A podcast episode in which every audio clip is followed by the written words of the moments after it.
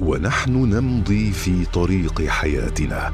نمر على نقاط مهمة قد نغفل عن أهميتها أو تكون خارج نطاق رؤيتنا. نقط عمياء مع إبراهيم العجمي.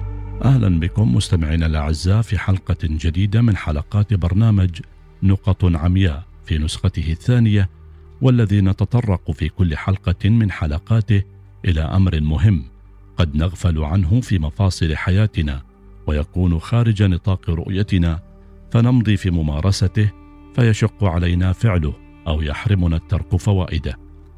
في هذه الحلقة مستمعينا الأعزاء يعتقد البعض أن التشاور ليس واجبا وأن أخذ المشورة لا يكون في كل شيء وأن هناك بعض المجالات يستحسن أن لا يشاور الإنسان فيها احدا غافلين عن أن الشورى والتشاور هي من الوعي والعقلانية فحتى لو كان الإنسان كاملا ولا يحتاج إلى الآخرين في شيء فإن مجرد طلبه للمشورة من بعض الأشخاص قد يكون لها فوائد غير طلب المشورة ذاتها واحيانا يسلك البعض مسلك الشورى ليس لأخذ المشورة وإنما لإثبات أن وجهة نظره أو طريقته هي الأصح أو الصحيحة وهذه فائدة أخرى للتشاور ومشاركة الآخرين في قراراتك وخطواتك. ويثبت التشاور أكثر إذا كان في أمور تهم أكثر من شخص فهنا يصبح أخذ الرأي ومشاركته من الأمور الواجبة عقلا ومنطقا حتى ولو لم تكن واجبة شرعا وقانونا. فالإنسان العادي مهما بلغ من العلم لا يمكن أن يسير أمور فريق أو جماعة لوحده دون أن يشاركه بعضهم في هذه المهمة وهذه المشاركة تستدعي تلقائيا أن يأخذ بمشورتهم. في كل أمر يخص هذا الفريق أو هذه الجماعة. فالله عز وجل أمر نبيه محمدا أن يستشير أصحابه في الأمور التي تخصهم والتي لم ينزل فيها وحي أو شرع بقوله وشاورهم في الأمر كاستخدام وسائل الحرب وأدوات المعيشة. وكل ما يعد شانا عاما لم يرد فيه نص قرآني أو نبوي. وإلا تحتم على المسلمين أن يمتثلوا لأوامر الله. ونجد مثل هذه الطريقة في بعض الدول. حيث يطرح النظام الأساسي للدولة الدستور امورا للتشاور والشورى ويمنع التشاور في أمور أخرى كأصل الحكم أو اختيار الحاكم. ففي الحكم الملكي مثلا من الطبيعي الا يطرح انتخاب الملك في مجلس الشورى ولكن هذا لا يمنع أن تطرح القضايا التي تهم الناس من قبيل قرارات الحاكم والقرارات المرتبطة بطريقة حكمه. في الشؤون الاجتماعية والاقتصادية والسياسية التي تؤثر على الشعب ومصالحه في المدى القريب أو البعيد.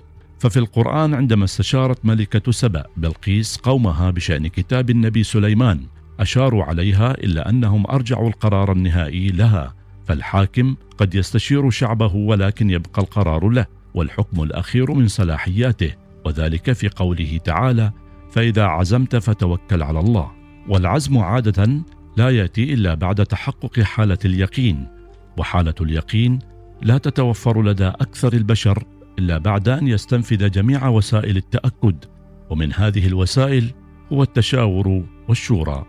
وكلما وثق الإنسان من نفسه وصحة ما عليه من طريقة فإنه لا يضره مناقشة ما يهم الآخرين ويسبب لهم قلقا بل بالعكس.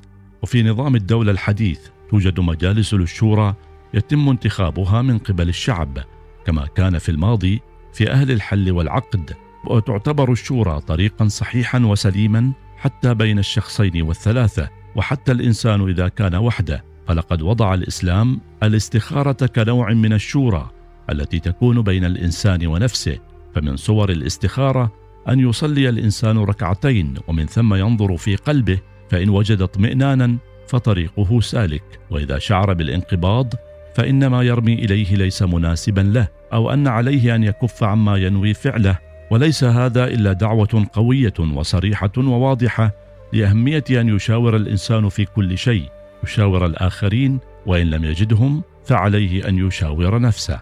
في هذه الحلقة مستمعينا الأعزاء وجهنا الضوء على نقطة من النقاط التي يغفل عنها البعض أو تكون خارج مجال رؤيتهم وهي أنهم يظنون أن التشاور ليس مطلوبا في كل شيء متغافلين عن أن التشاور هو سبيل العقلاء والحكماء. على امل أن نلتقي مع نقطة أخرى من نقط عمياء. إلى اللقاء.